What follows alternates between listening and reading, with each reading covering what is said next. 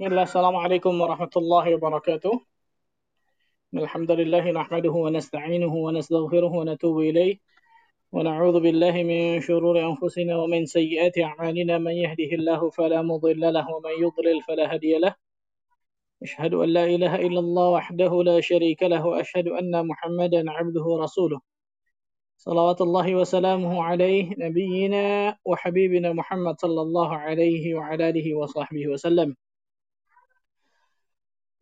قال الله تعالى في كتابه الكريم يا أيها الذين آمنوا اتقوا الله حق تقاته ولا تموتن إلا وأنتم مسلمون أما بعد Ikhwani wa fi din, rahimani wa rahimakumullah, saudara-saudariku sekalian, yang mudah-mudahan Allah Azza wa Jalla berikan keberkahan dalam kehidupannya. Alhamdulillah.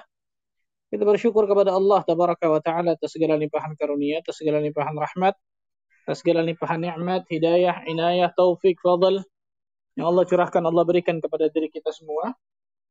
Sehingga pada kesempatan yang berbahagia ini, Allah Subhanahu wa taala masih terus melimpahkan berbagai macam nikmat dan karunia-Nya kepada diri kita semua.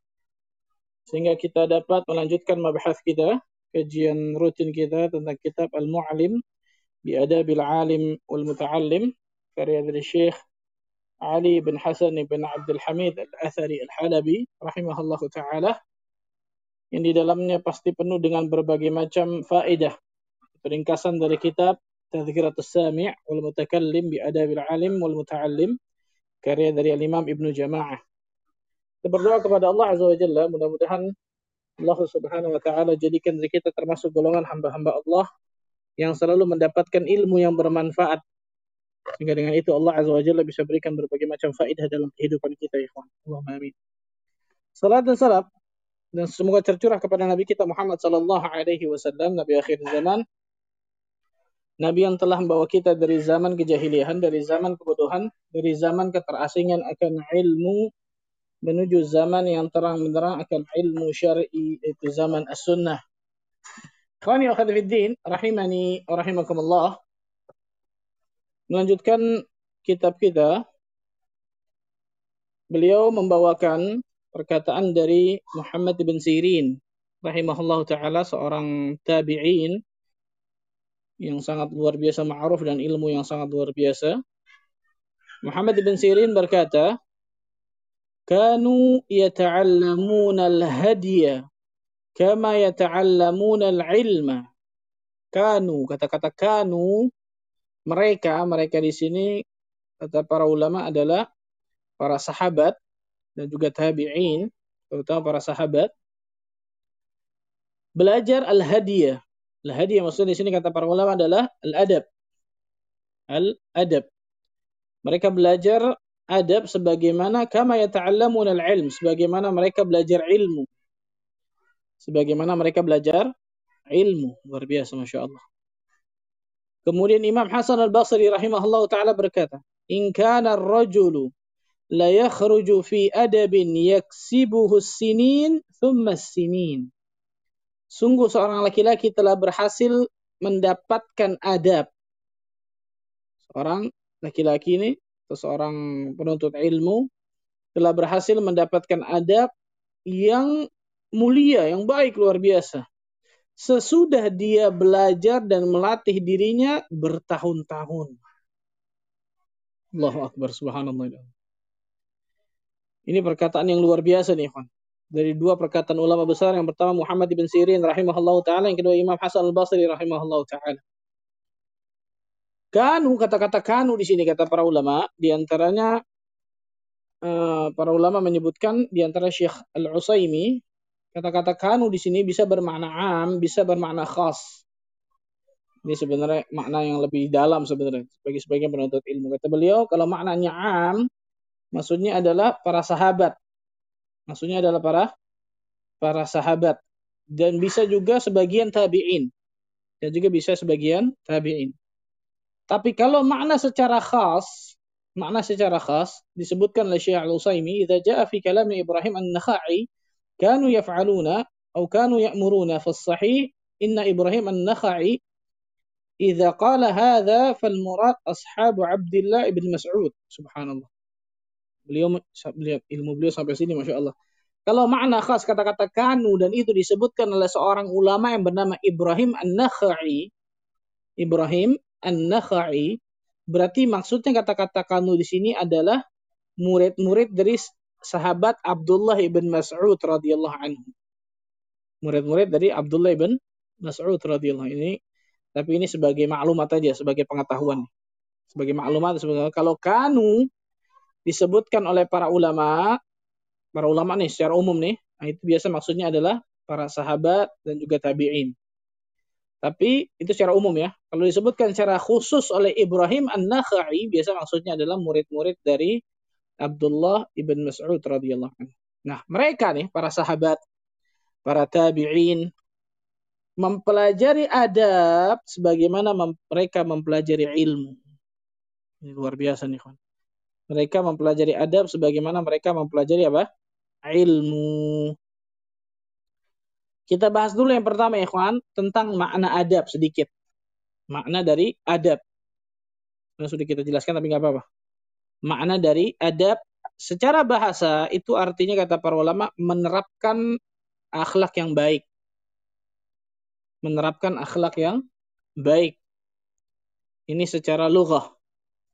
Secara bahasa, makna adab adalah menerapkan akhlak yang baik. Uh, Ibnu Hajar al-Asqalani dalam kitab Fathul Bari menyebutkan, "Fal adabu isti'malu ma yuhmadu qawlan wa fi'lan." Al-adab kata beliau, al-adab kata beliau artinya menerapkan segala yang dipuji oleh orang menerapkan segala yang dipuji oleh manusia, baik berupa perkataan ataupun perbuatan. Menerapkan, menerapkan, mengamalkan, melakukan segala yang dipuji oleh manusia, oleh orang, baik itu berupa perkataan ataupun per, perbuatan.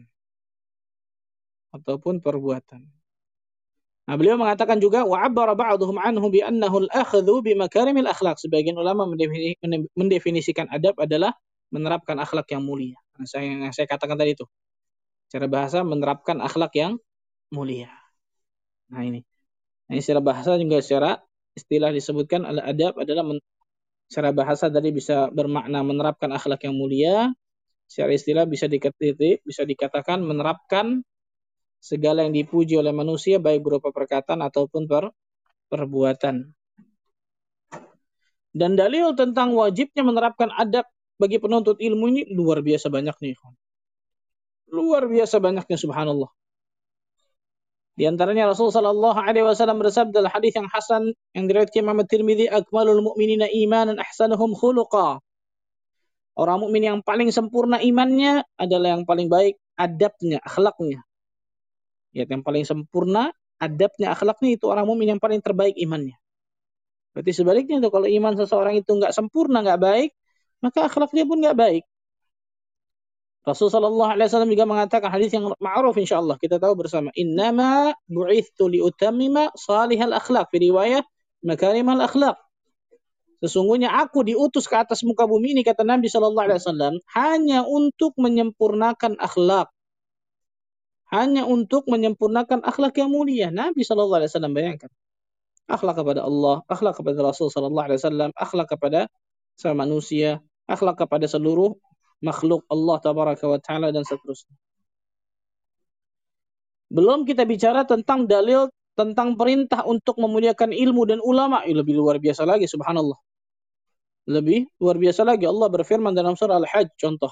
Surah 22 Al-Hajj ayat 30 begitu juga ayat 32 sama.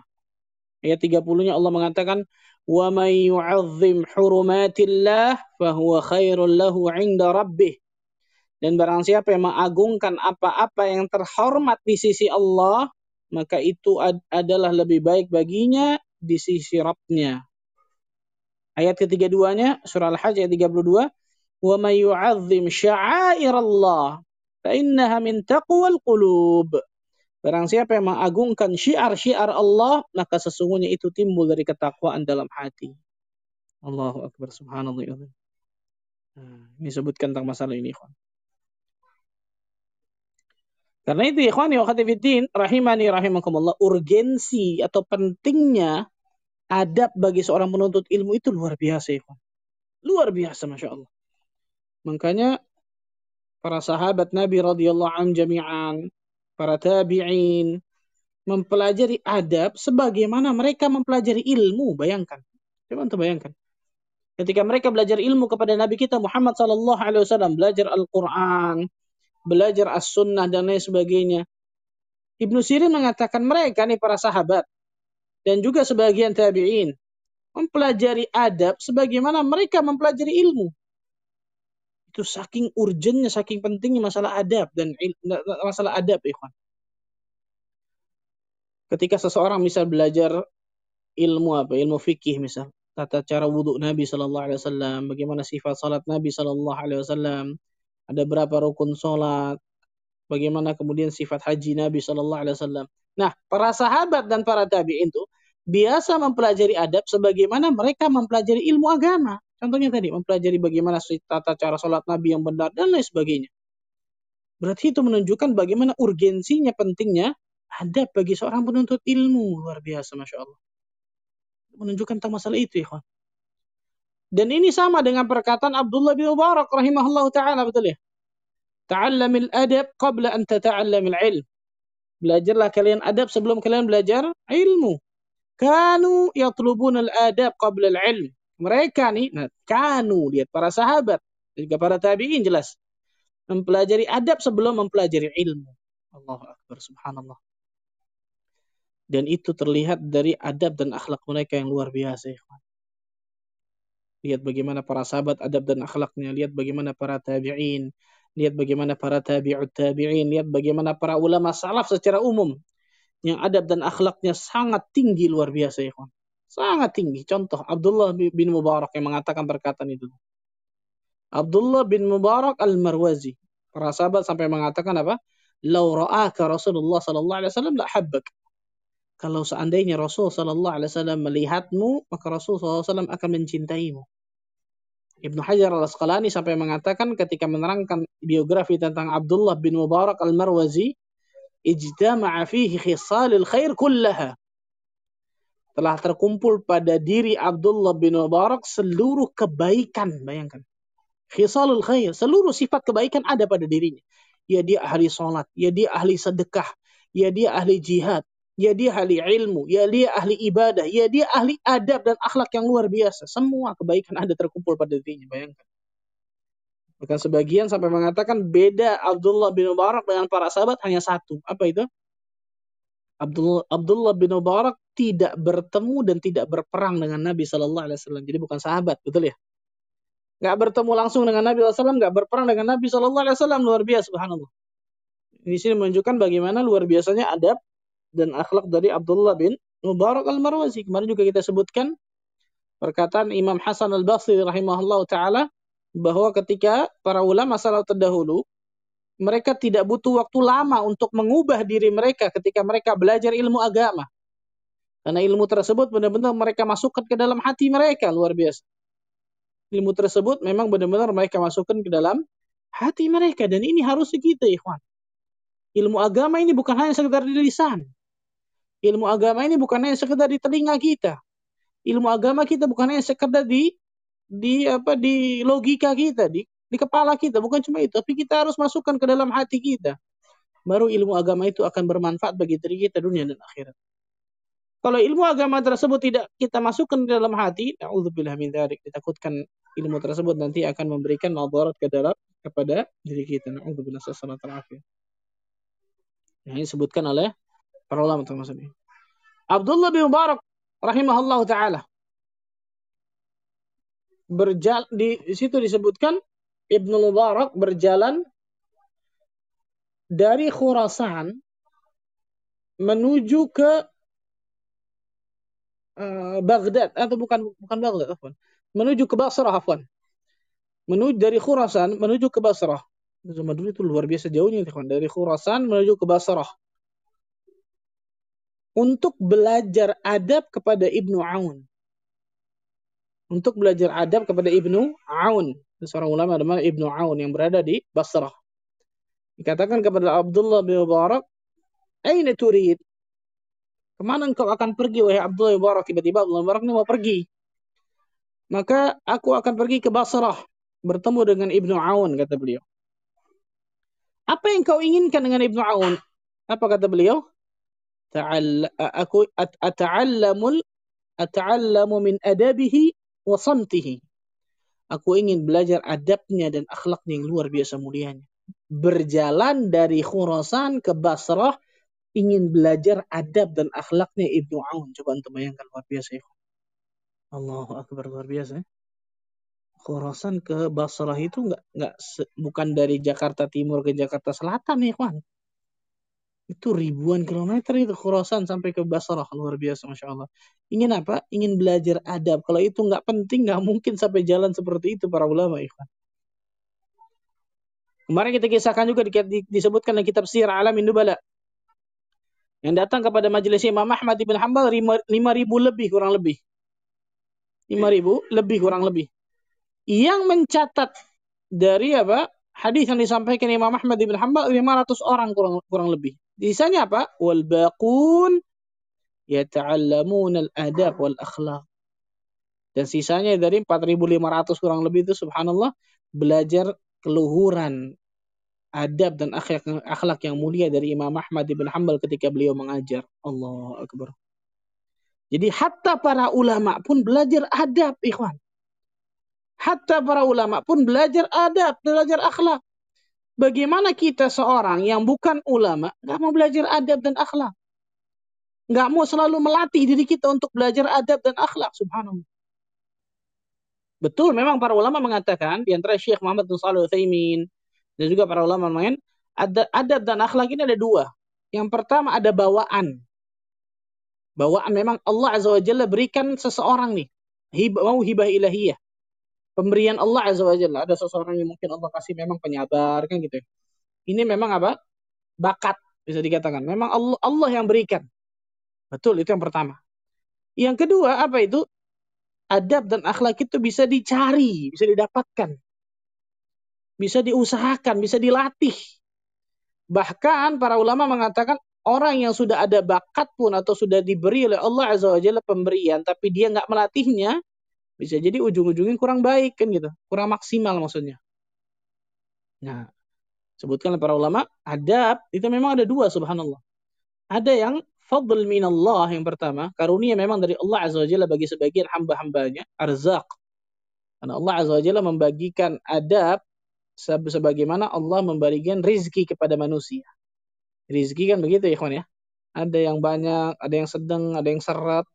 Sama seperti itu adab. Adab dan akhlak sama seperti itu dibagikan oleh uh, Allah Azza wa Jalla kepada manusia. Ada yang adabnya luar biasa, Masya Allah, bagus semua, kan gitu. Ada yang setengah-setengah wusto tengah-tengah ada yang sedikit. Itu yang bakat itu yang memang pemberian Allah. Ada yang kedua dilatih. Nah dilatih. Makanya Al Imam Hasan Al Basri mengatakan in kana rajulu la yakhruju fi adabin yaksibuhu sinin thumma sinin ada seorang menuntut ilmu berhasil mendapatkan adab yang luar biasa baiknya sesudah dia belajar dan melatih dirinya bertahun-tahun bertahun-tahun bayangkan Allahu Akbar.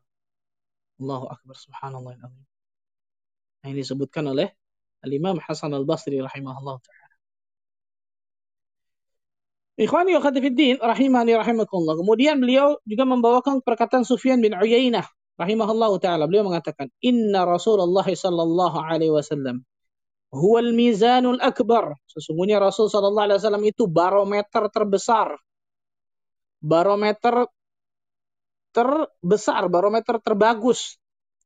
Wa alaihi tu'radul asya' ala khalqihi wa siratihi wa hadiyih. Segala urusan itu pasti dikembalikan kepada beliau.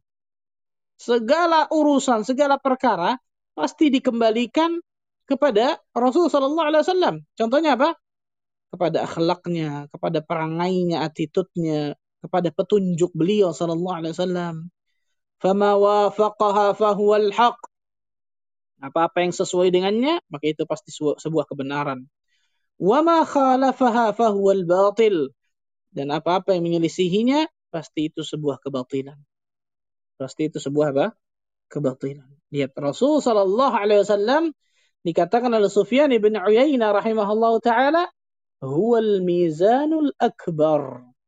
Barometer terbesar, barometer terbagus, barometer terindah. Barometer yang paling pas ini untuk mengukur nih agama kita benar nggak, akhlak kita benar nggak, adab kita benar nggak, perangai kita benar nggak, attitude kita benar nggak. Kemudian apa? Uh, yang kita pelajari benar nggak sesuai. Kalau itu sesuai itu kebenaran. Kalau ternyata itu menyelisih Rasulullah SAW, maka itu pasti sebuah kebatilan. Nah, syahid bahasan kita adalah beliau mengatakan ada kata-kata di sini apa? Ala khuluqihi wa siratihi wa hadiyih. Kepada akhlak beliau, perangai beliau, petunjuk beliau. Allah Akbar. Dan kita tahu bersama Allah Azza wa Jalla mengatakan di dalam Al-Quranul Karim menjadikan Nabi kita Muhammad sallallahu alaihi wasallam sebagai uswatun hasanah. Allah Azza wa Jalla berfirman di dalam surah Al-Ahzab Laqad kana lakum fi Rasulillahi uswatun hasanah liman kana yarjullaha wal yawmal akhir wa dzakara Allah katsira. Surah Al-Ahzab ayat 21. Surah 33 Al-Ahzab ayat 21. Sungguh telah ada pada diri Nabi Shallallahu Alaihi Wasallam itu uswatun hasanah, suri tauladan yang baik. Bagi siapa? Bagi orang-orang yang mendambakan, mengharapkan rahmat Allah Azza wa Jalla dan kedatangan nanti di hari kiamat. Wa. Dan dia banyak mengingat Allah Azza wa Jalla. Allah Akbar. Dia banyak mengingat Allah Tabaraka. Lihat, Allah mengatakan, laqad kana lakum fi Rasulillahi uswatun hasanah. Sungguh telah ada pada diri Nabi sallallahu alaihi wasallam itu suri tauladan yang baik bagi bagi kalian. Jadi apa yang dicontohkan Nabi sallallahu alaihi wasallam berupa adab beliau, akhlak beliau, perangai beliau, petunjuk beliau wajib kita ikuti dari A sampai Z, dari alif sampai ya, ya ikhwan. Kita beragama wajib kafah secara totalitas. Ya ayyuhalladzina amanu dukhulu fi silbi kafah. Wahai orang-orang yang beriman, masuklah kalian ke dalam agama ini secara apa? Totalitas, secara menyeluruh. Bukan sebagian-sebagian atau bukan milih-milih yang enaknya kita. Ketika akidah manhaj, wah luar biasa, bagus, kuncang luar biasa. Tapi akhlak adab sama sekali tidak mencontoh Nabi Shallallahu Alaihi Wasallam. Muamalah jauh dari jujur. Muamalah jauh dari yang benar, jauh dari sesuatu yang halal. Nauzubillah. Dakwah begitu juga dan lain sebagainya tidak menunjukkan akhlakul karimah ketika dakwah, tidak menunjukkan apa kelemah lembutan ketika dakwah, tidak menunjukkan kesabaran dan lain sebagainya. Allah menyuruh kita untuk mengikuti Nabi Shallallahu Alaihi Wasallam dalam segala hal. Seperti yang dikatakan oleh Sufyan bin Uyainah rahimahullah taala, huwal mizanul akbar. Rasul Shallallahu Alaihi Wasallam itu adalah barometer terbesar. Barometer, namanya barometer itu kan ukuran betul, standar ukuran. Kalau itu benar, kalau itu sesuai dengan Nabi SAW, itu baru pasti kebenaran. Tapi kalau itu sesuatu yang tidak benar, maka pasti bertentangan dengan Rasul Shallallahu Alaihi Wasallam. Lihat pentingnya adab dan akhlak luar biasa. Kemudian seorang ulama yang bernama Abu Zakaria An-Nabari, Al-Anbari afwan, Abu Zakaria Al-Anbari rahimahullah taala. Beliau mengatakan ilmun bila adabin kanarin bila hatabin ilmu tanpa adab itu seperti api tanpa kayu bakar. Wa adabun bila ilmin karuhin bila jasadin. Sedangkan adab tanpa ilmu seperti jasad tanpa ruh. Allahu Akbar. Ajib ikhwan. Ini dinukil dari kitab Min Wasayil Ulama li Talabil Ilm. Subhanallah. Ilmu tanpa adab ilmu tanpa adab seperti apa? Api tanpa kayu bakar. Dan adab tanpa ilmu seperti jasa tanpa ruh. Karena dua ini pasti pasti nyambung, ikhwan. Ilmu dan adab ini pasti selaras, pasti berjalan selaras luar biasa.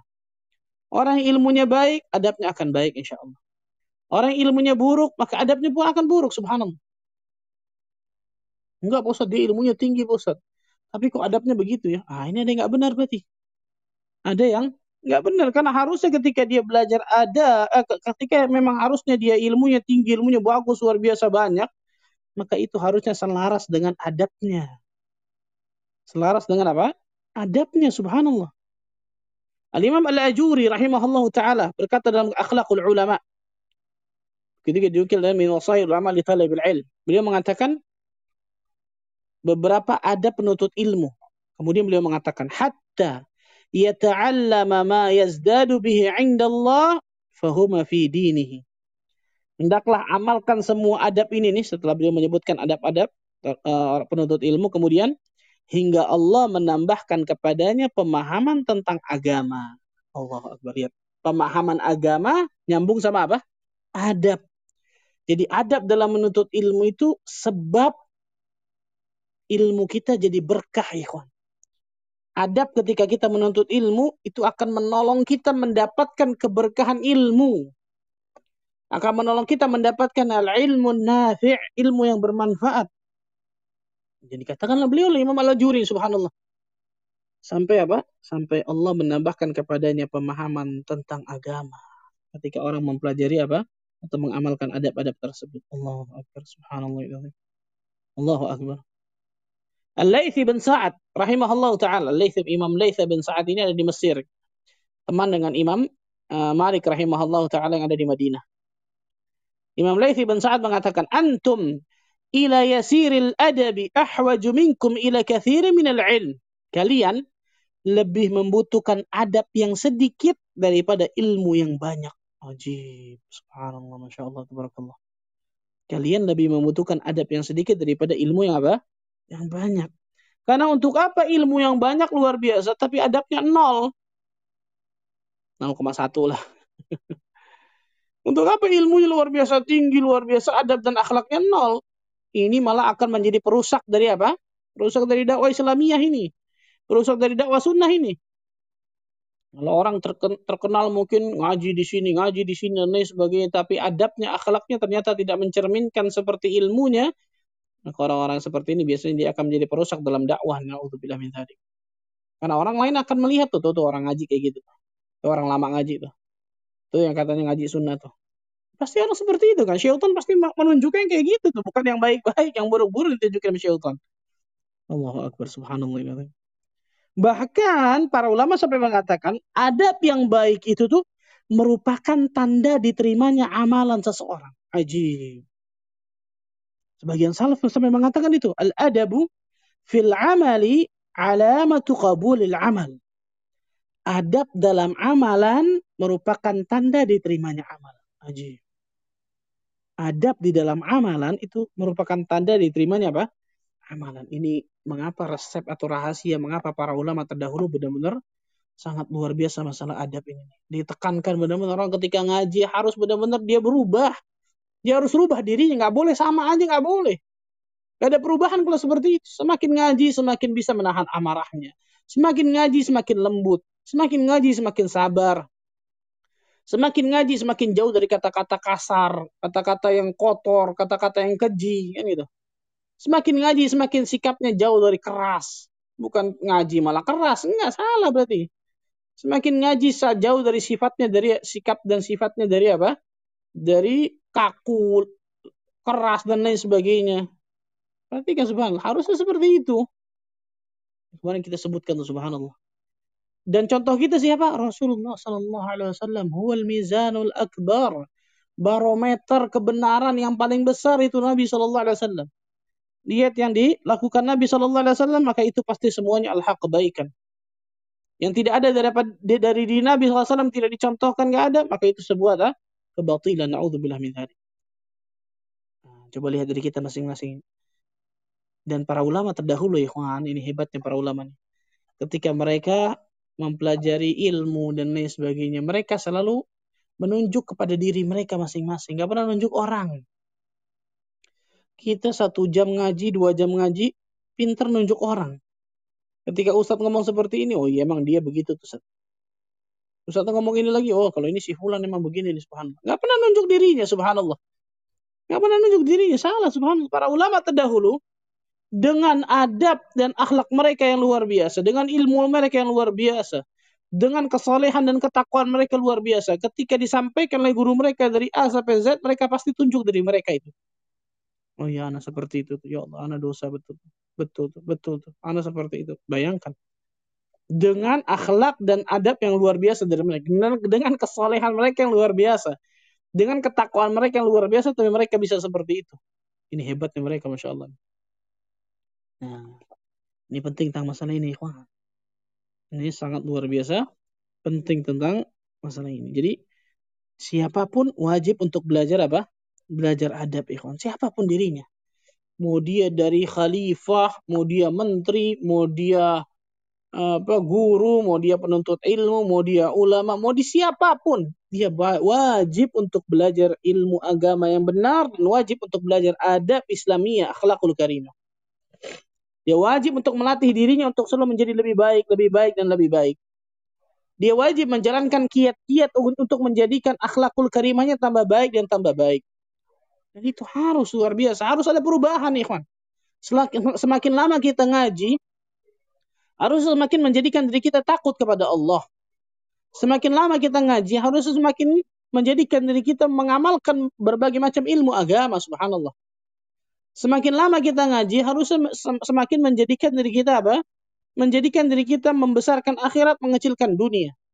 Semakin lama kita ngaji, harus semakin kasih sayang kepada makhluk, Bukan semakin keras dan kasar kepada makhluk. Enggak. Semakin lama ngaji, semakin akhlak dan adabnya semakin baik. Syekhul Islam Ibn Taimiyah rahimahullah taala mengatakan apa? Ahlus sunnah hum ah, hum a'lamuhum bil haqqi wa arhamuhum bil khalqi. Ajib. Syekhul Islam Ibn Taimiyah rahimahullah taala mengatakan yang namanya ahlu sunnah kalau kita mengaku diri kita ahlu sunnah mencintai sunnah Nabi wasallam menjalankan sunnah dan ajaran Rasul Wasallam. Perhatikan ini. Apa itu? Dua cirinya. A'lamuhum bil haq. Yang paling berilmu tentang al-haq. Karena selalu berilmu. Selalu ada dalil. Selalu punya hujah dan dalil. Bukan kata orang, kata ini macam-macam. Bukan apa gara-gara mimpi. Enggak. Tapi selalu berilmu. Selalu punya dalil. Yang kedua apa? wa arhamuhum bil khalqi dan orang yang paling kasih sayang kepada makhluk. Paling kasih sayang kepada makhluk itu ahlu sunnah. Bukan semakin ngaji semakin kasar, semakin musuhin orang, semakin apa ini subhanallah azim. Enggak benar seperti ini, ikhwan, subhanallah. Itu ahlu sunnah dikatakan oleh Syekhul Islam Ibn Taimiyah rahimahullah ta'ala. Maka coba lihat dari kita masing-masing, ikhwan. Apakah dari kita sudah termasuk golongan hamba-hamba Allah yang sudah mengamalkan dari adab dan akhlak yang dituju yang dicontohkan Nabi Shallallahu Alaihi Wasallam atau ternyata tidak karena jauh ikhwan. Kalau kita bahas satu persatu dari akhlak Rasul Shallallahu Alaihi Wasallam malu kita. Malu luar biasa benar-benar. Kita akan melihat diri kita kerdil banget luar biasa. Luar biasa kerdilnya. Contoh aja contoh satu ini. Rasul Shallallahu Alaihi Wasallam mengatakan apa? Rifqan bil qawarir. Berlemah lembutlah kalian kepada gelas-gelas kaca. Siapa itu gelas-gelas kaca? An-nisa, para wanita. Istri-istri kita, subhanallah. Rasul sallallahu alaihi wasallam mengatakan khairukum khairukum li ahlihi wa ana khairukum li ahli. Sebaik-baik kalian adalah yang paling baik kepada keluarganya dan aku kata Nabi sallallahu alaihi wasallam adalah orang yang paling baik kepada keluargaku. Kalau kita orang baik, ikhwan, maka orang yang paling pertama harus mendapatkan kebaikan kita itu anak dan istri kita. Karena ada orang di luar luar biasa sama teman-temannya, sama sahabatnya, sama kolega bisnisnya luar biasa baiknya, sama masuk ke dalam rumahnya, naudzubillah min dzalik seperti singa luar biasa. Gak pernah memberikan kebaikan kepada anak dan istrinya. Ini salah besar, subhanallah. Lihat bagaimana Rasul Shallallahu Alaihi Wasallam dengan istri-istri beliau luar biasa rumah tangga yang luar biasa dipenuhi dengan apa? Dipenuhi dengan sakinah, mawaddah, rahmah luar biasa, dipenuhi dengan kelemah lembutan. Dan itu dikatakan Nabi Shallallahu Alaihi Wasallam. Ketika satu rumah tangga Allah inginkan kebaikan, adkhala alaihimur rifqa. Allah akan masukkan kelemah lembutan pada keluarga tersebut, pada rumah tangga tersebut. Nah, itu satu contoh dari sekian banyak contoh ya, kawan.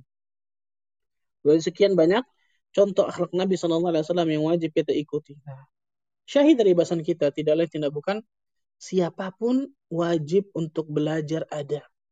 Siapa pun wajib untuk melatih dirinya untuk membaguskan adabnya, akhlaknya. Ikhwan. Ketika dia orang yang temperamen, dia harus merubah diri supaya nggak bukan temperamental. Harus penyabar. Dan itu butuh waktu pasti, nggak sembarangan, betul. Nggak mudah, subhanallah. Tapi dengan usaha yang maksimal, dengan doa kepada Allah Azza wa minta pertolongan kepada Allah dan tidak lemah, Allah Azza wa akan berikan itu hasil yang nikmat insya Allah. Hasil yang benar-benar memberikan kenikmatan bagi dirinya. Tapi kalau usahanya nggak ada sama sekali, nuntut nuntut ilmunya nggak ada juga, nuntut adab juga nggak ada, mencari adab juga nggak ada. Bagaimana Allah Azza wa Jalla akan berikan kepada dirinya kenikmatan dalam adab tersebut, subhanallah. Nah, perhatikan baik subhanallah. Kita jadikan Nabi Shallallahu Alaihi Wasallam sebagai mizanul akbar, sebagai barometer terbesar dari kebenaran kita. Dan kita jadikan para ulama salaf terdahulu dari para sahabat, para tabi'in, para tabi'ut dan ulama salaf terdahulu kita jadikan kita ambil benar-benar adab mereka, akhlak mereka ke dalam kehidupan kita. Sehingga kita akan lebih baik, lebih baik dan lebih baik. Jadikan diri terus tambah baik, tambah baik, tambah baik dalam kehidupan kita dan itu jelas sebuah kewajiban bagi setiap kehidupan kita. Wallahu a'lam Itu mungkin saya bisa sampaikan. Wallahu a'lam. Silakan mungkin ada pertanyaan. Insyaallah. Barakallahu fiik Ustaz. Syukran jazakumullahu khairan atas ilmu yang disampaikan. Sekarang kita akan memasuki sesi tanya jawab. Uh, mohon bantuannya untuk Bang Zul untuk menaikkan penanya. Uh, untuk akhwat wabil khusus uh, mohon untuk tidak melembutkan suaranya saat bertanya kepada guru kita. Uh, tafadol. Iya. Uh, coba naikin satu persatu ya. Sebentar ya, tunggu sebentar. Jadi naikin dulu karena sering kali saat ini, ini terjadi lag ya. Sebentar. Oke baik. Oke. Putri untuk bertanya uh, Ustaz dengan tidak melembutkan suaranya dengan pertanyaan yang singkat dan Baik, Assalamualaikum warahmatullahi wabarakatuh, Ustaz. Semoga Allah senantiasa memberi keberkahan terhadap umur Ustadz, ilmu yang sudah Ustadz sampaikan dan seluruh kaum muslimin. Amin ya rabbal alamin.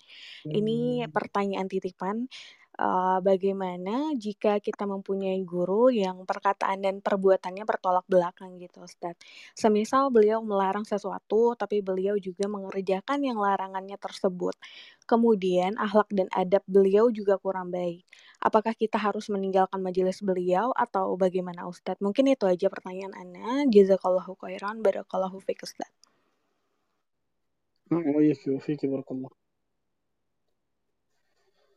Yang pertama ikhwan, ikhwan ya fiddin rahimani wa rahimakumullah, ini pelajaran juga bagi diri kita semua pada hakikatnya. Yang pertama, seorang guru juga seorang manusia. Yang tidak lepas dari kesalahan dan khilaf dan lain sebagainya. Jangan karena nilai titik rusak susu sebelanga. Perhatikan nih, selama memang guru tersebut guru yang benar ya, perhatikan nih. Selama guru tersebut yang berakidah dan bermanhaj yang lurus, yang sahih, kemudian ada kesalahan satu dan dua, ada mungkin kekurangan satu dan dua, ada aib satu dan dua, subhanallah. Maka yang seperti ini kewajiban dari kita untuk apa? Untuk mendoakan guru kita tersebut. Kalau bisa kita memberikan apa meluruskannya dengan cara yang paling baik atau menasihati cara baik itu ahsan luar biasa. Tapi kalau nggak bisa, maka doakan kepada Allah. Mudah Allah Azza wa Jalla baikkan guru kita tersebut. Perhatikan nih. Dengan syarat, perhatikan ya, dengan syarat guru tersebut memang akidah dan manhaj akidah yang sahihah. Al-Quran dan As-Sunnah ala fahmi salaf kan gitu. Bukan guru-guru yang ternyata mengajarkan keburukan, alhamdulillah, mengajarkan kesesatan dan sebagainya. Kan ada yang seperti itu kan. Tapi yang saya katakan di sini guru-guru yang memang apa? Bermanhajkan dengan manhaj yang sahih, akidah yang benar. Nah, kemudian ada satu dua ternyata yang salah subhanallah dan itu manusia subhanallah. seorang ustaz, seorang guru, seorang syekh, seorang ulama bukan apa? Bukan seorang nabi dan rasul yang ma'asum. Selain mereka pasti ada kesalahan di dalamnya subhanallah. Ada sebagian ulama ketika ingin berguru dengan gurunya, ulama ini selalu sedekah, kemudian dia bertawal dengan sedekahnya. Apa doanya? Ya Allah, tutupilah aib-aib guruku dari diriku.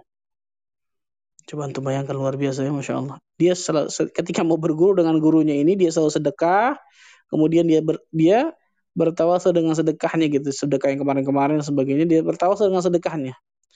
Ya Allah, tolong tutupilah aib-aib guruku kepada diriku. Karena memang fitrah manusia biasa ketika melihat aib gurunya, kesalahan gurunya, kekurangan gurunya, biasanya fitrah manusia biasanya akan kurang tuh. Mungkin kurang menghormati, kurang menghargai dan lain sebagainya. Nah, ini sebuah kesalahan kata para ulama. Sebuah kesalahan. Kalau kita tidak mau berguru kepada seorang guru yang tidak punya kesalahan, nggak ada yang kita berguru. Siapa? Subhanallah. Hanya Nabi kita Muhammad Sallallahu Alaihi Wasallam yang maksum. Atau hanya para nabi dan rasul yang maksum luar biasa. Nah, itu yang saya, yang saya ingin sampaikan subhanallah. Dan bagaimana kita seorang murid? Maka tetap apa? Tetap berakhlak mulia, tetap tunjukkan akhlak mulia, tetap tunjukkan apa adab kepada mereka dan lain sebagainya. Dengan syarat saya katakan tadi sekali lagi uh, apa tersebut atau guru tersebut memang bermanhajkan berakidah yang benar tentang masalah itu. Kalau kita bisa menasihatinya, Alhamdulillah, Masya Allah dengan cara yang baik, dengan adab yang baik, dan lain sebagainya. Dan guru itu insya Allah mau mendengar, kalau memang itu kalau memang guru itu baik, kan dia akan mendengar yang disampaikan al-haq kan gitu, subhanallah. Tapi kalau ternyata bukan guru yang bukan guru yang bermanhaj yang baik dan lain sebagainya, maka dia nggak sulit, sulit, biasanya untuk mendengar nasihat dari ini. Wallah.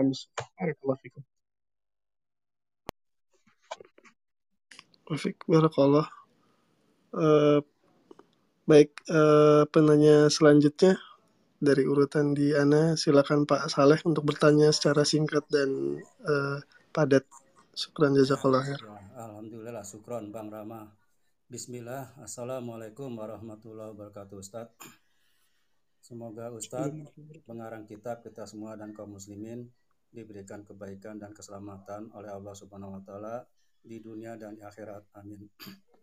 Ustadz, kalau kita lihat definisi adab secara istilah yaitu menerapkan segala yang dipuji oleh manusia, baik itu berupa perkataan maupun perbuatan. Nah, bagaimana dengan kaidah untuk menghindari siri kecil, yaitu ria, Ustadz? Itu kan pujian manusia. Nah, jadi apa maksud definisi secara istilah ini dengan perkataan segala yang dipuji oleh manusia tersebut Ustaz. Sukron, jazakumullah khair, barakallahu fikum. Nah, fika barakallah. Apa yang dikatakan oleh Al-Hafidh Ibn Hajar Al-Asqalani tadi dalam kitab Fathul Bari bahwa adab itu isti'malu ma yuhmadu qawlan wa fi'lan menerapkan segala yang dipuji oleh manusia baik berupa perkataan atau perbuatan bukan menunjukkan di sini kemudian kita ketika menerapkan sesuatu amalan kemudian melihat pandangan manusia bukan itu tapi yang dimaksud di sini apa-apa yang dalam pandangan manusia itu baik. Apa-apa yang dalam pandangan manusia ini sesuatu yang terpuji nih. Itu maksudnya. Jadi bukan maksudnya ketika kita mengamalkan sesuatu, baik itu amalan ataupun perkataan dan lain sebagainya supaya dipuji orang, bukan itu maksudnya. Tapi yang dimaksud dari Al-Hafidh Ibn Hajar Al-Asqalani di sini maksudnya adalah apa-apa yang dipandang terpuji oleh manusia, maka itu kita lakukan. Maka itu kita lakukan kan subhanallah. Jadi kebanyakan manusia menganggap ini terpuji contoh membantu orang. Itu kan orang melihat apa?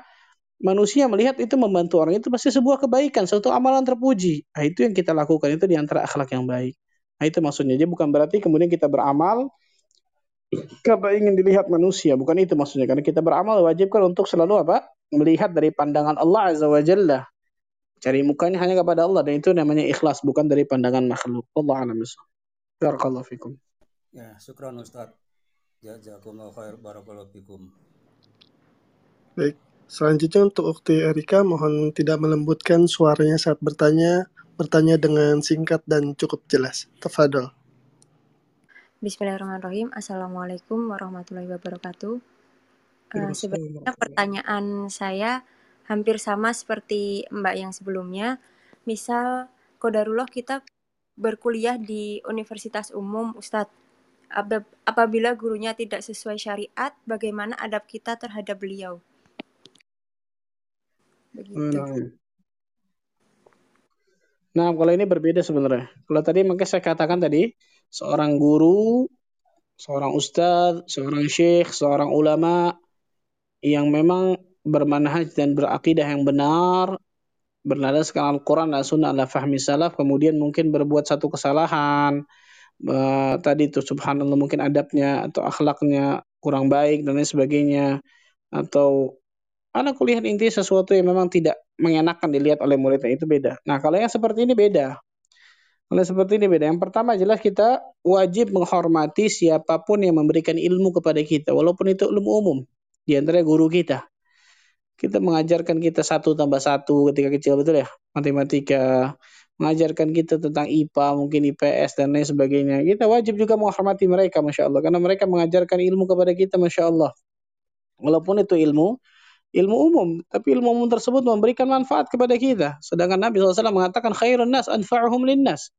Sebaik-baik manusia yang paling memberikan manfaat kepada manusia yang lain dan orang tersebut memberikan manfaat kepada manusia lain mengajarkan kebaikan kepada kita walaupun itu um, ilmu umum.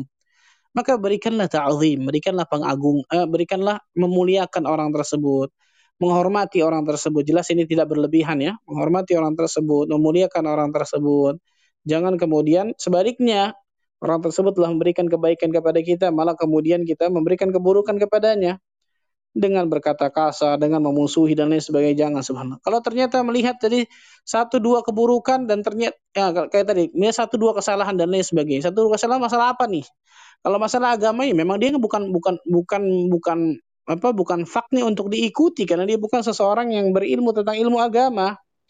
Tapi kalau masalah ilmu umum yang salah dan lain sebagainya, maka seorang murid kan bisa berdiskusi dengan gurunya tersebut kan gitu. Tapi kalau dimaksud di sini kesalahan dan kesalahan gurunya tersebut masalah agama, maka nggak nggak kita ikuti jelas subhanallah. Karena itu pada hakikatnya bukan faknya kan gitu. Bukan spesialisasi dari guru tersebut nah masalah itu. Tapi tetap kita berikan apa? penghormatan dan juga pemulihan dari kebaikan yang telah dia berikan kepada kita itu dan doakan mudah-mudahan Allah Azza wa Jalla berikan hidayah kepada guru kita tersebut. Allah Baik, selanjutnya Ukti Anissa, seperti biasa mohon tidak melembutkan suaranya, bertanya dengan singkat dan cukup jelas. Tafadhol. Bismillah, Assalamualaikum Ustaz. Izin bertanya.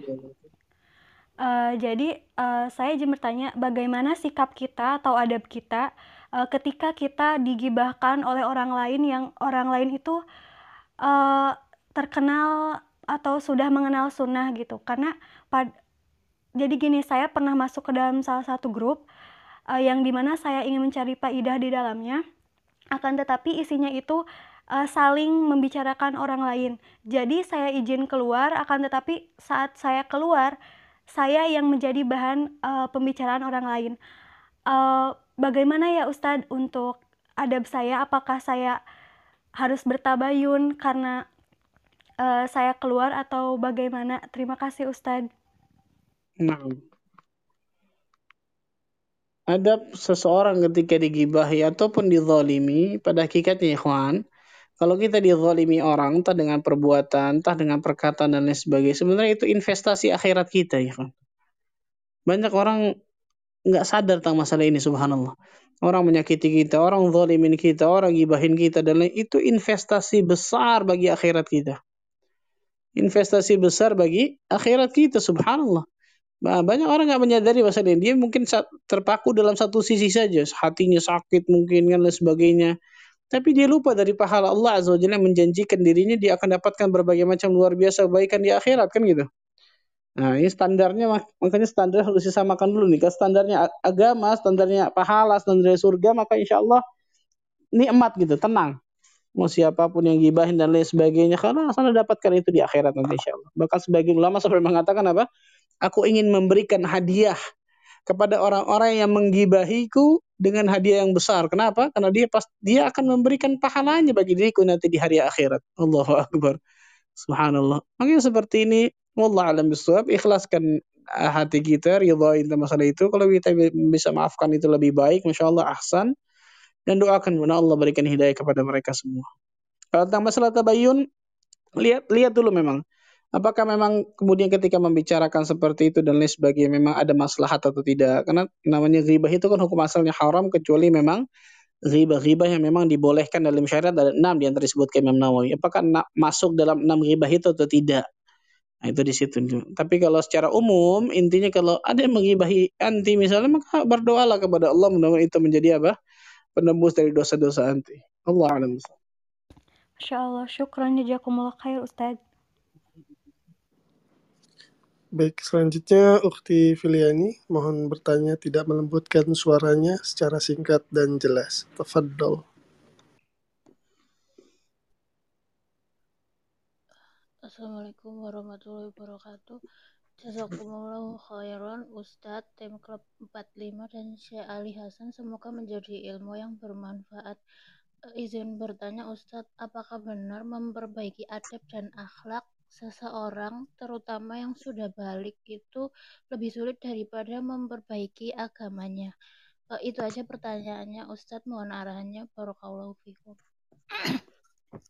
Nah, yang saya katakan tadi, harusnya agama itu berbanding lurus dengan adab dan akhlak seseorang. Kalau ketika dia beragama, menuntut ilmu agama, tapi tidak berbanding lurus dengan adab dan akhlaknya, itu biasanya ada yang salah dalam menuntut ilmu agamanya. Coba introspeksi dirinya.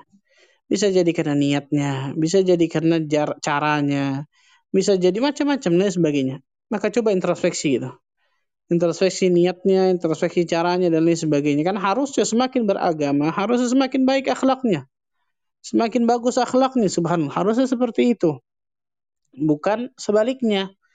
Baru banyak orang-orang yang menuntut ilmu agama lama panjang waktunya tapi ternyata tidak menjadikan hatinya melembut, tidak menjadikan dia akhlaknya baik dan lain sebagainya. Dan memang kalau bisa dikatakan ketika orang sudah besar, karakternya sudah terbentuk, mentalnya sudah terbentuk, attitude-nya tadi perangai sudah terbentuk, untuk merubahnya memang emang butuh waktu tadi yang katakan butuh waktu latihan yang luar biasa itu jungkir balik bisa dikatakan untuk merubah dirinya tapi kalau memang dia yakin akan hal tersebut dia berusaha dengan semaksimal mungkin berdoa kepada Allah azza wajalla merubah perangainya akhlaknya adabnya dirinya maka insya Allah taala Allah berikan kemudahan bagi dirinya kan gitu. Jadi jangan menutup dirinya anu seperti ini yang mau terima fadl nggak terima silahkan. Bukan salah.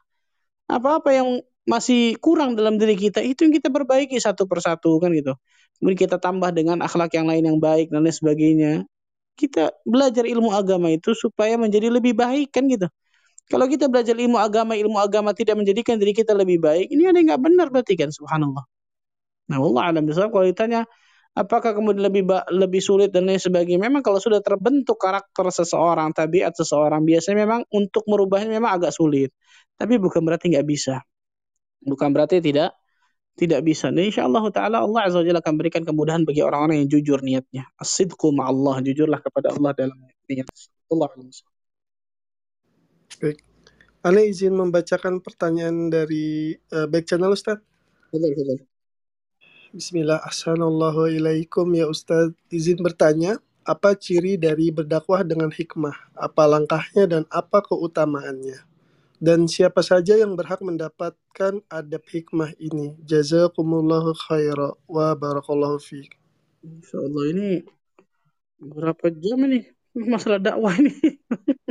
Hanya singkat. Tapi jawabannya bisa berjam-jam nih subhanallah. Allah tabaraka wa taala berfirman uh, ini kepada diri kita semua nih subhanallah di dalam surah sebentar subhan. Dalam surah Yusuf ayat ke-108 dalam surat Yusuf ayat ke-108 Qul katakan ya Muhammad hadhihi sabili inilah jalanku. Inilah jalan agamaku. Ad'u ila Allah ala basiratin ana wa man ittaba'ani Aku dan orang-orang yang mengikutiku mengajak kalian kepada Allah. Ada basiratin. Di atas basirah, di atas hujah yang nyata, yang jelas, di atas ilmu. Subhanallah wa ma'ana minal musyrikin. Dan maksudnya Allah, aku tidak termasuk orang-orang musyrik. Ya, Allah mengatakan, katakan yang Muhammad, inilah jalanku. Ini jalan jalan aku. Dan aku dan orang yang mengikutiku mengajak engkau semua ke jalan Allah di atas basirah, atas ilmu. Berarti yang paling pertama orang yang wajib untuk apa? Yang yang boleh berdakwah adalah orang yang mempunyai ilmu agama. Orang yang mempunyai apa? Ilmu dulu yang pertama. Kemudian ketika orang berdakwah, maka masukkan berbagai macam niat dalam hatinya. Di antara niatnya apa? Mengikuti para nabi dalam mencontoh mereka. Karena para nabi tugasnya dakwah, wazifatul anbiya ini subhanallah, pekerjaan para nabi berdakwah di jalan Allah. Dan itu luar biasa. Pekerjaan luar biasa mulianya subhanallah. Dan di antara niatnya pula apa? Bergegas untuk mendapatkan kebaikan yang banyak, pahala sebanyak-banyaknya. Allah berfirman di dalam surah Fussilat ayat 33, "Wa man ahsanu qawlan mimman da'a ila Allah wa 'amila salihah wa qala muslimin." Siapa yang lebih baik perkataannya daripada orang yang menyeru kepada Allah? Bayangkan, "Wa man ahsanu qawlan." Allah katakan ahsan. Ahsan itu isim tafdhil. Menunjukkan yang paling, siapakah yang paling baik perkataannya daripada orang yang menyeru kepada Allah dan mengerjakan amal saleh dan dia berkata sesungguhnya aku termasuk orang-orang yang berserah diri subhanallah. Imam Syaukani menyebutkan tidak ada yang lebih baik darinya dan dan yang lebih jelas dari jalannya dan tidak ada yang lebih banyak pahalanya dibandingkan amalan jadi masalah dakwah ini subhanallah. Rasulullah wasallam juga mengatakan man dalla ala khairin falahu mithlu ajri fa'ilih. Barang siapa yang menunjukkan kepada sebuah kebaikan maka dia akan mendapatkan pahala seperti orang yang melakukannya tersebut subhanallah. Nah, bagaimana kemudian berdakwah dengan apa? Bil hikmah. Nah, ud'u ila Allah apa Allah azza wajalla bil hikmati wal mau'izatil hasanah wajadilhum billati hiya ahsan. Ajaklah manusia dengan apa? Dengan hikmah. Yang kedua mau'izatul hasanah. Kemudian yang ketiga wajadilhum billati ahsan dan debat mereka dengan cara yang paling baik. Jadi yang yang berhak mendapatkan hikmah kita tidak lain tidak bukan semua orang yang kita dakwahi. Semua orang kita dakwahi. Orang-orang yang berdakwah dia harus punya ilmu tadi saya katakan yang pertama. Yang kedua saya lupa tadi saya, saya katakan dia harus punya arifku kelemah lembutan. Al ilmu yang pertama, yang kedua arifku kelemah lembutan. Yang ketiga as-sabru. Dia harus punya as-sabr, sabar dalam kelemah dalam dia berdakwah dan ini hikmah. Dan ini yang namanya apa? Hikmah. Lihat Nabi SAW ketika berdakwah luar biasa, masya Allah. Ilmu beliau sudah jangan diragukan. Kelemah lembah, kelemah lembutan beliau luar biasa. Banyak dalam hadis-hadis yang luar biasa. Kesabaran beliau lebih-lebih lagi luar biasa. Maka nggak berhak orang-orang yang nggak punya ilmu, nggak punya kelemah lembutan, nggak punya kesabaran berdakwah. Mereka akan merusak. Mereka akan lebih merusak daripada memberikan manfaat nantinya. Itu secara singkat mungkin Allah. Baik Ustadz, izin satu pertanyaan lagi dari kolom chat Ustadz. Uh, Bismillah, Ana di sini seorang pengajar Ustadz. Bagaimana cara kita menyikapi wali murid yang suka mengkritik yang tidak membangun kepada para pendidik? Di sini orang yang mengkritik sudah ngaji sunnah. Mohon nasihatnya Ustadz. Hmm. Ini memang manusia dan mana ngeritik, nggak ngasih saran. yang pertama sabar, Masya Allah. Sebagai seorang pengajar itu memang harus sabar ya subhanallah. Coba untuk bayangkan. Rasul Shallallahu Alaihi Wasallam bukan itu berapa lama beliau berdakwah luar biasa? 13 tahun ke kafir Quraisy. Kafir Quraisy luar biasa lah. Yang sama-sama Quraisy sama-sama Bani Hashim mungkin dan sebagainya. Tapi kemudian dengan berbagai macam penolakan diintimidasi ditekan disiksa bahkan ingin dibunuh dan lain sebagainya Nabi Shallallahu Alaihi Wasallam tadi al mizanul akbar barometer dari sebuah kebenaran yang luar biasa besar. Dia contoh Nabi SAW ketika seperti ini harus seperti apa? Jadi guru terbaik, lihat Nabi SAW seperti apa jadi guru terbaik kan gitu. Ketika ada yang mengkritik dengan kritik yang sama sekali nggak ada nyambungnya dan sebagainya, sudah doakan saja mudah Allah berikan hidayah kepadanya. Selesai. Itu lebih aman subhanallah daripada kemudian setiap ada yang kritik kita baper. Eh kacau lah seperti itu. Lalu ujung-ujung nggak ngajar sama sekali. Nah, orang-orang yang menjadi guru ataupun dunia dunia pengajar, dunia dakwah, dunia apa belajar mengajar harus memang punya apa hati yang memang bisa dikatakan hati yang baja lah, mental mental bola. Semakin ditendang kencang, semakin baliknya kencang, bukan mental apa? Bukan mental yang ketika di apa ketika ditendang malah jatuh. Ini salah subhanallah. Maka Allah alam yang seperti ini kemudian anggaplah sebagai ujian-ujian ketika antum mengajar dan mudah-mudahan dengan itu antum berharap pahala yang Allah Azza Jalla berikan akan lebih besar.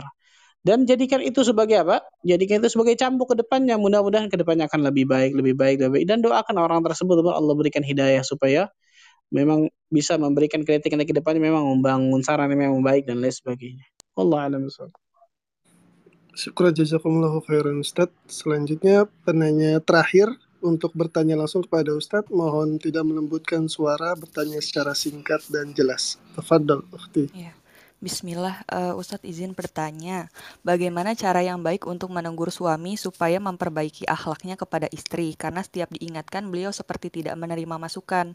Dulunya beliau dididik di keluarga yang keras dan dan ibu beliau selalu memaklumi perilakunya. Apakah boleh kita meluruskan perkataan ibunya yang selalu membenarkan anaknya? Nah, berdakwah kepada orang yang di atas kita memang lebih berat. Ya, subhanallah. Di atas kita maksudnya anak kepada orang tua, istri kepada suami, adik kepada kakak, bawahan kepada atasan. Itu memang subhanallah. Memang lebih berat subhanallah. Tapi yang paling pertama, yang paling pertama tunjukkan akhlakul karimah. Tunjukkan akhlakul karimah. Jadikan diri anti atau diri yang bertanya ini ataupun siapa pun istri yang subhanallah punya suami seperti ini jadikan diri anti tersebut menjadi akhlakul karimah yang luar biasa. Jadi ketika suaminya kasar, suaminya seperti ini, dia balik sebaliknya menjadi tambah lebih lembut. Untuk apa? Yang pertama untuk bisa mendapat eh, oh, yang pertama tidak lain tidak bukan adalah menunaikan perintah Allah dan Rasulnya. Yang kedua, supaya mudah-mudahan itu bisa memberikan contoh kepada suaminya. Supaya memberikan contoh kepada Suaminya mudah-mudahan subhanallah. Nah ini perhatikan nih. Ada satu kisah luar biasa orang istri yang suaminya sama suaminya sebenarnya apa suami yang dikatakan seorang yang kaku, seorang yang keras dan lain sebagainya. Tapi istrinya ini pintar, masya Allah. Dia selalu memberikan kebaikan kepada uh, suaminya, berdakwah bukan dengan lisannya, tapi juga tapi dengan akhlaknya yang paling pertama. Kemudian di antaranya apa? Istrinya tersebut memberikan penjelasan kepada suaminya paling hanya sekali atau dua kali. Selebihnya apa? Angkat tangan ke langit doa kepada Allah Azza wa Jalla. Subhanallah. Ini saya kisahkan sering luar biasa nih. Seorang istri yang suaminya kerja di salah satu lembaga ribawi. Yang terbesar luar biasa. Di antara terbesar lembaga ribawi di Indonesia ini. Istrinya memberikan, saya, saya tanya subhanallah bagaimana ibu mendakwahkan su, suami ibu. Saya mungkin ngasih tahu hanya satu, dua atau tiga kali. Dua kali mungkin Ustaz. Selama apa bertahun-tahun itu ini nggak boleh bang, seperti ini haram dan sebagainya macam-macam. Saya ngasih tahu hanya karena hanya untuk menggugurkan kewajiban kan gitu, subhanallah. Selebihnya gimana? Tadi saya tunjukkan akhlakul karimah dan yang, yang, yang paling penting adalah doa di waktu-waktu istijabah karena hati manusia Allah yang punya. Dan ternyata Allah Azza wa Jalla takdirkan suaminya mendapatkan hidayah dari yang sama sekali nggak di nggak disangka-sangka subhanallah. Di antaranya subhanallah dari kebaikan istrinya menunjukkan akhlakul karimah, mendoakan. Jadi jangan suaminya keras, istrinya tambah keras, hancur itu pasti subhanallah. Abu Darda mengatakan kepada istrinya Ummu Darda, wahai istriku, ketika aku dalam keadaan marah, engkau tenangkan diriku. Ketika engkau dalam keadaan marah, aku yang akan tenangkan dirimu. Karena ketika engkau marah, aku marah, selesai rumah tangga kita sebentar, hancur, selesai. Perhatikan, subhanallah.